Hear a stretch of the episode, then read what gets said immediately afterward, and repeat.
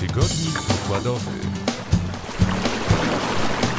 Żeglarskie podsumowanie tygodnia w mojakoja.pl Odszedł Ryszard Gralak, prekursor klasy Omega. Był trzykrotnym mistrzem Polski w Omegach, popularyzatorem tej klasy i wieloletnim prezesem KS Stal Grudziądz. Przyjaciele wspominają go jako zasłużonego działacza, mierniczego i autorytet w kwestiach technicznych. Za swoją działalność został odznaczony Srebrnym Krzyżem Zasługi oraz medalem za szczególne zasługi dla żeglarstwa polskiego.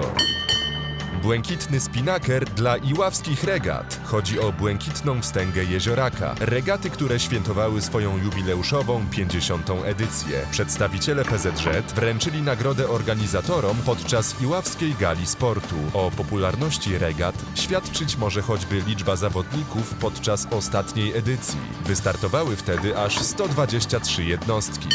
Polacy na podium Mistrzostw Świata w klasie DN to juniorzy. Laura Banach na drugim i Cezary Studnicki na trzecim miejscu klasyfikacji generalnej regat. To tym lepszy wynik, szczególnie w stosunku do trudnych warunków szkoleniowych dla bojerów w Polsce. Regaty odbyły się na litewskim jeziorze Kertuoja. Pierwsze miejsce zajął Szwed Oskar Svensson.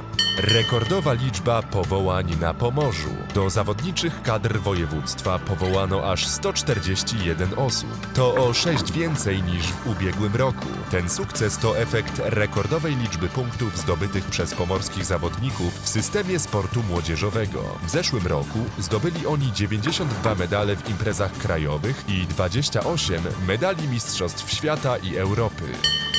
To był tygodnik pokładowy, czyli podsumowanie tygodnia w mojakoja.pl. Numer jeden w Polsce portal i aplikacja z ogłoszeniami żeglarskimi z możliwością licytacji.